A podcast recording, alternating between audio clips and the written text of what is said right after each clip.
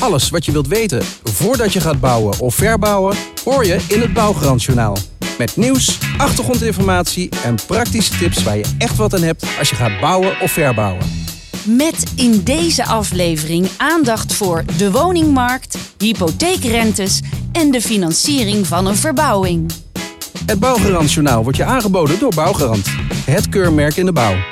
Hallo, leuk dat jullie luisteren naar het Bouwgarant Journaal. Met alles wat je wilt weten voordat je gaat bouwen of verbouwen. Bij mij in de studio is Ben Biesbroek van de Hypotheekshop.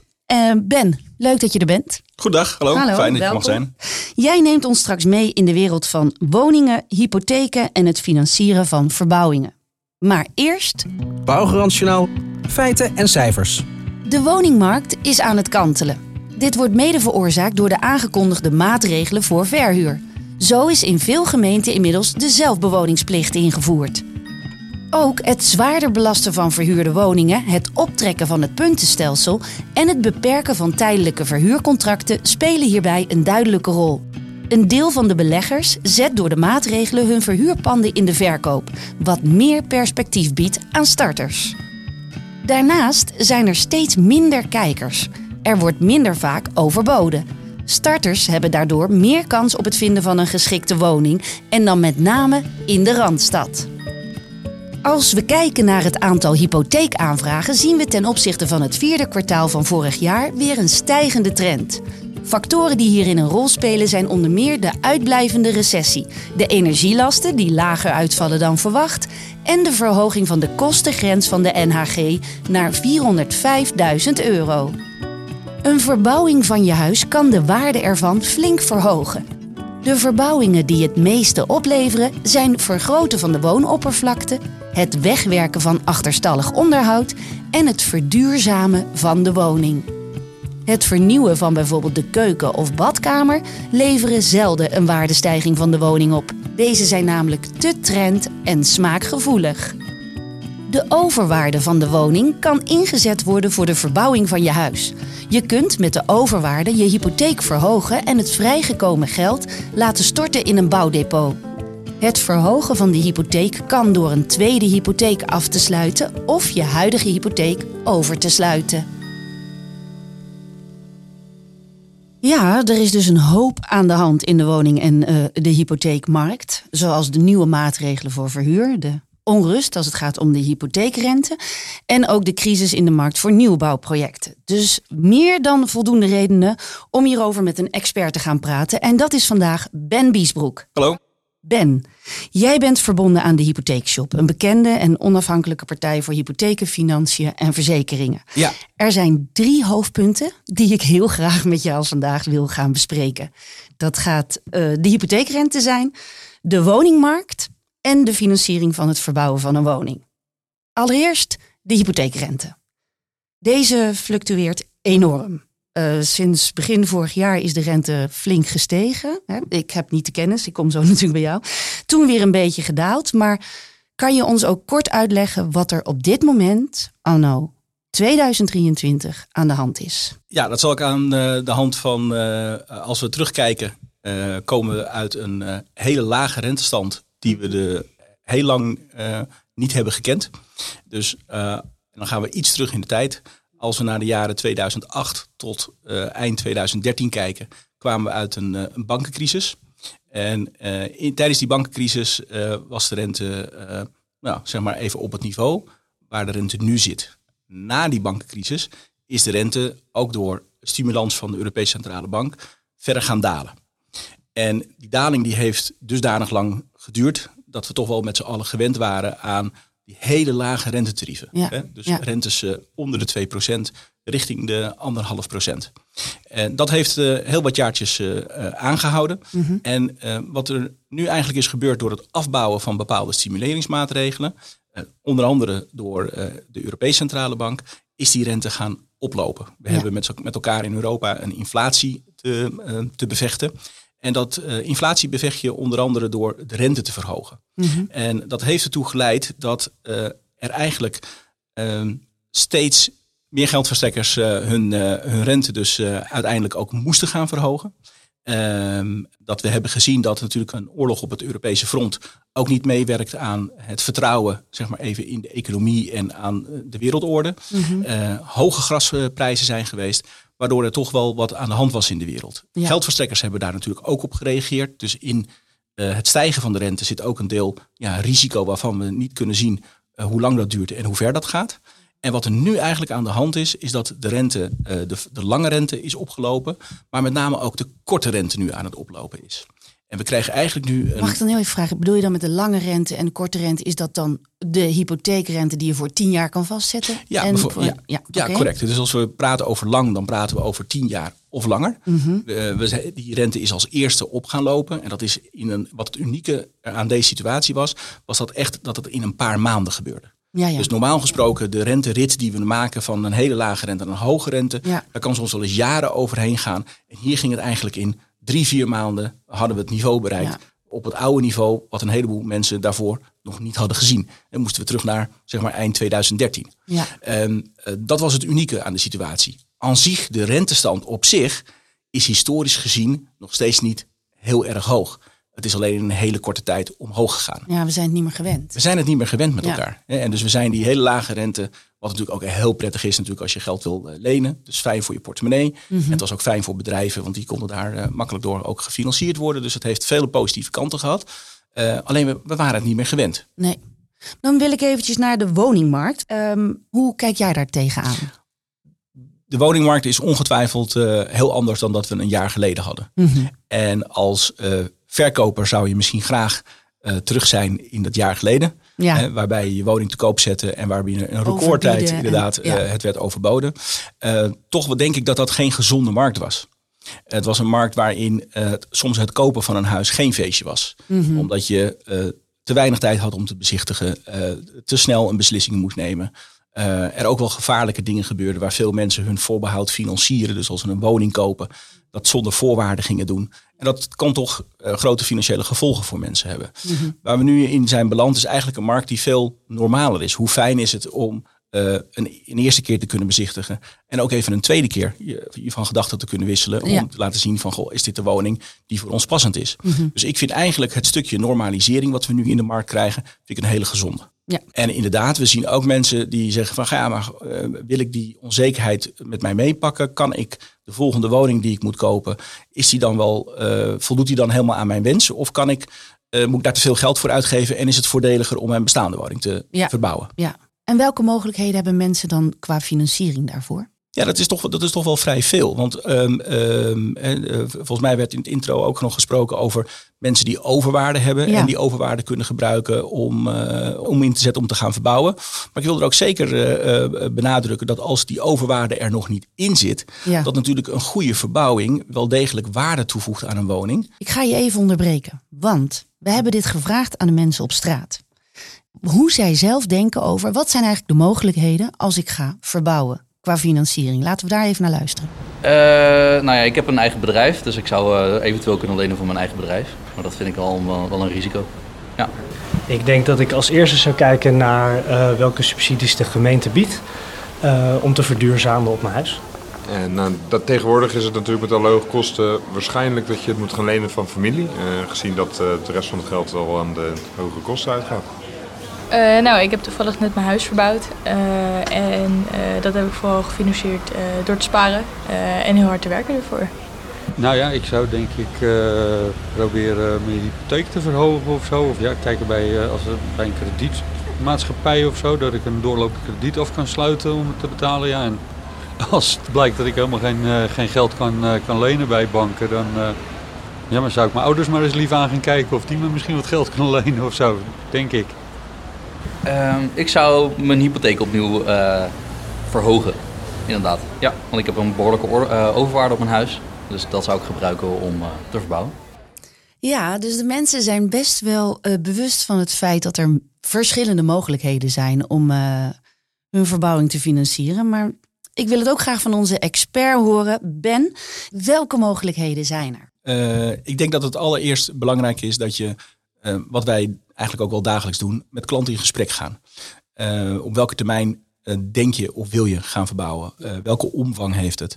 En op basis van die indicatoren kunnen we dan met elkaar kijken, inderdaad, als het bijvoorbeeld een, een hele kleine verbouwing is. Mhm. Dus laten we zeggen dat het onder de 10.000 euro is. Dan kan het natuurlijk best eens zijn dat de hele exercitie voor het aanvragen van een hypotheek, Mhm. zowel in proces als wellicht in kosten, eh, wat te zwaar drukt. Hè? Dus dan zouden mensen bijvoorbeeld kunnen kijken van zou ik bijvoorbeeld een verbouwingskrediet kunnen afsluiten als het een hele kleine verbouwing betreft, Ja. omdat dat eh kostentechnisch eh, interessant kan zijn. Maar zomaar dat kan dan ook wel via jullie. Dan hoeven ze niet alleen, want ik hoorde net ook dat mensen dan bij familie geld willen gaan lenen. Maar als je niet zo'n rijkelijk bedeelde familie hebt, kan een zo'n kleine krediet ook via. Correct, correct, correct. En op dat moment, eh, stel dat de verbouwing toch wat groter is, eh, en dan kunnen de, zeg maar, de moeite en de kosten wegen dan op tegen eh, hetgeen wat je ervoor terugkrijgt. Eh, dan kunnen we gaan werken inderdaad met een, een, een verbouwdepot. En wat je eigenlijk dan doet, is dat je gaat kijken van, goh, heb ik nog mogelijkheden om mijn hypotheek op te hogen? Ja. Eh, dat zou soms aantrekkelijk kunnen zijn, omdat dat wat kosten scheelt. Dan hoef je niet naar de notaris. Eh, wat je zou ook kunnen doen, is dat je gewoon een tweede hypotheek eh, neemt. Dat klinkt wat eng, maar dat betekent niet anders dan de eerste hypotheek blijft wat die is. En de tweede, dat is gewoon een nieuwe aanvraag die je daarop eh, op doet. Ja. Voor een tweede hypotheek moet je wel naar een notaris. Dus je hebt iets andere kosten, maar dat is allemaal wel te overzien. Hebben mensen dan kosten aan taxatie? Ja, wat, je, wat, wat, wat we zien is dat je wil natuurlijk, of een geldverstrekker wil graag zien van wat is de woning nu waard? Ja. Wat ben je van plan te gaan doen? En hoe komt eh, die uitvoering van die werkzaamheden terug in de marktwaarde? Ja. Traditioneel doen we dat met een taxatierapport. Eh, dan komt er een taxateur, een makelaar, komt bij je langs en bekijkt de situatie zoals die nu is. Neemt samen met je de plannen door en geeft daar dan een waarde aan in een rapport, zowel voor als na verbouwen Oh ja. zodat de geldverstrekker precies weet van goh, als ik dit geld ga uitlenen, eh, wat doet dat met de waarde? En kunnen we dan ook dat geld uitgeleend worden voor dit project? Ja, logisch. Ehm, wat ook een mogelijkheid is die we steeds vaker terug zien komen, is dat er gewerkt kan worden met een desktop Calcasa. En dat betekent dat er eigenlijk gewoon een big data rapport wordt gemaakt dat het taxatierapport kan vervangen. En voor sommige woningen waar veel overwaarde is, kan dat een prima alternatief zijn, omdat de verbouwing weliswaar waarde toevoegt, maar misschien in het financiële vraagstuk van de klant minder relevant is, omdat er toch al overwaarde is. Dus dan Oh. kan het wat makkelijker worden gestaafd, dan hoef je niet een heel taxatierapport te laten maken.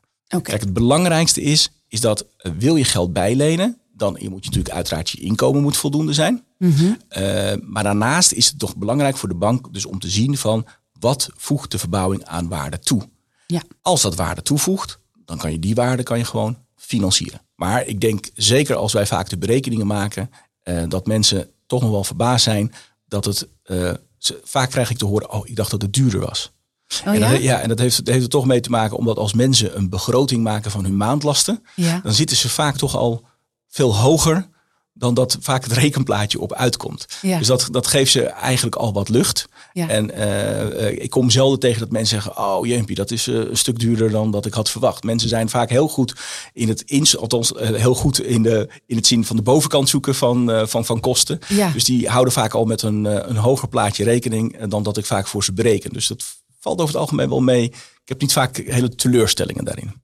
Bij een hypotheek eh, oversluiten, dan kan het zo zijn dat op het moment dat je met je vraagstuk komt voor de verbouwing, en we kijken bijvoorbeeld naar een eh, hypotheek onder inschrijving of een tweede hypotheek hè, voor de verbouwing, dan kan het zo zijn dat ja, je kijkt toch ook naar je, die eerste hypotheek. Ja. En wellicht is het daar mogelijk om toch op bepaalde manieren of te besparen of te verbeteren.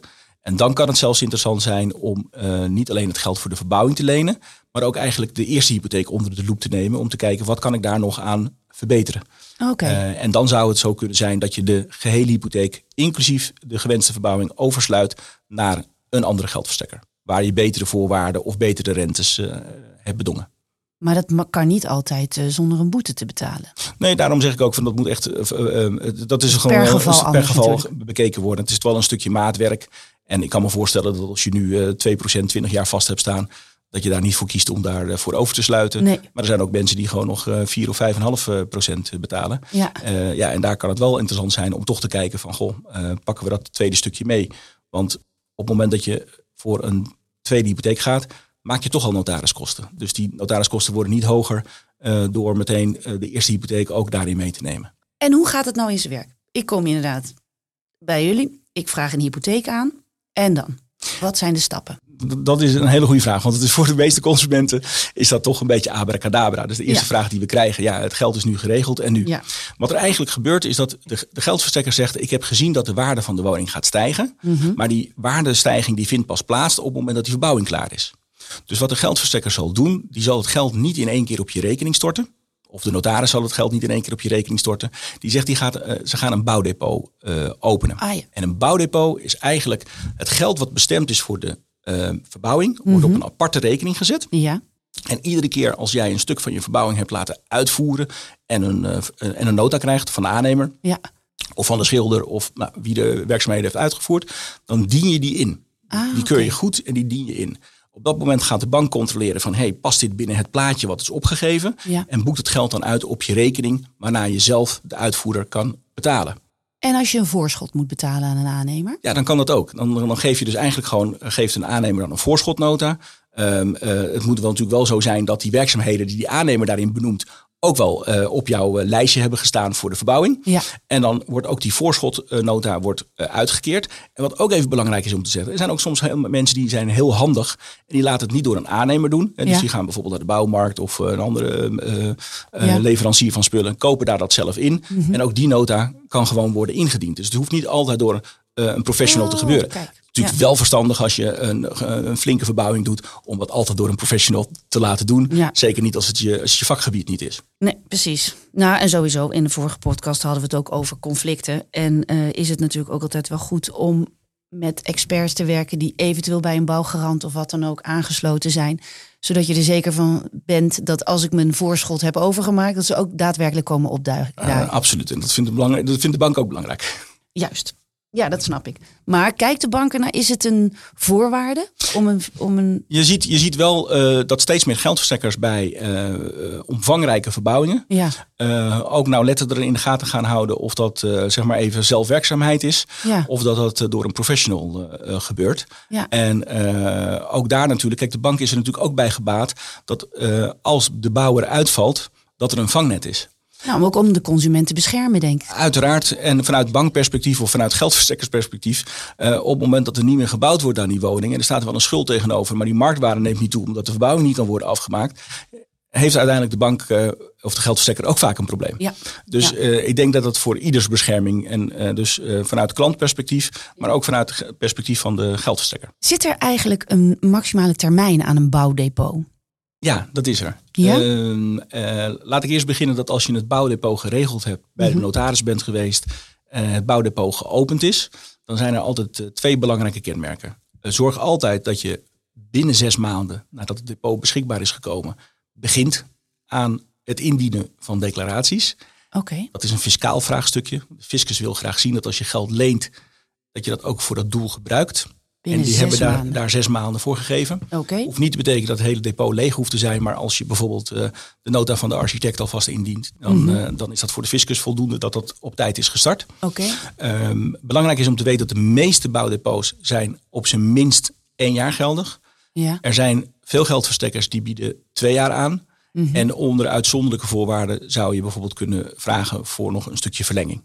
Ja. Ehm, we zien wel steeds meer dat eh, het ook wenselijk is dat het bouwdepot wat, eh, wat langer geldig is. Dat heeft ermee te maken dat eh, mensen toch wat moeite hebben om de juiste aannemer te vinden. Ja. Of dat het gewoon soms wat langer leveringstijden zijn op de gebruikte of de wenselijke materialen. Ja. Ehm, en daardoor zien we dat de bouwdepots over het algemeen wat langer geldig moeten blijven dan dat we normaal gesproken zouden Ja. verwachten. Eh, wat wel belangrijk is ook om ook te weten, zolang het geld in depot staat, betaal je daar rente en aflossing op. Maar omdat het bedrag feitelijk nog niet aan je uit is betaald, het Mhm. staat nog gereserveerd op die rekening, betaalt de geldverstrekker je ook rente. Dus aan de ene kant betaal je rente aan de geldverstrekker omdat je hem geld schuldig bent. Ja. Aan de andere kant heeft de geldverstrekker dat op die aparte rekening gezet. Ja. Maar het is nog niet formeel uitgeboekt aan je. Ja. Je moet het nog overmaken. Dus op, pas op het moment dat je het geld overmaakt, vanaf dat moment betaal je over dat stukje alleen maar rente. Dus dat betekent eigenlijk dat als het depot wat langer open staat dan dat je normaal gesproken zou verwachten, Mhm. eh, het ook niet heel zwaar drukt op je lasten. Nou, dat vind ik een heel mooi punt om te eindigen. We zijn een hoop wijzer geworden. Dankjewel, Ben Biesbroek van de Hypotheekshop. Graag gedaan. Tot zover deze aflevering van het Bouwgarant Journaal. Bedankt voor het luisteren en graag tot de volgende keer. Alles wat je wilt weten voordat je gaat bouwen of verbouwen. Je hoort het in het Bouwgarantjournaal. Wil je meer informatie of wil je andere afleveringen van het Bouwgarantjournaal horen? Ga dan naar bouwgarant.nl. Bouwgarant, het keurmerk in de bouw.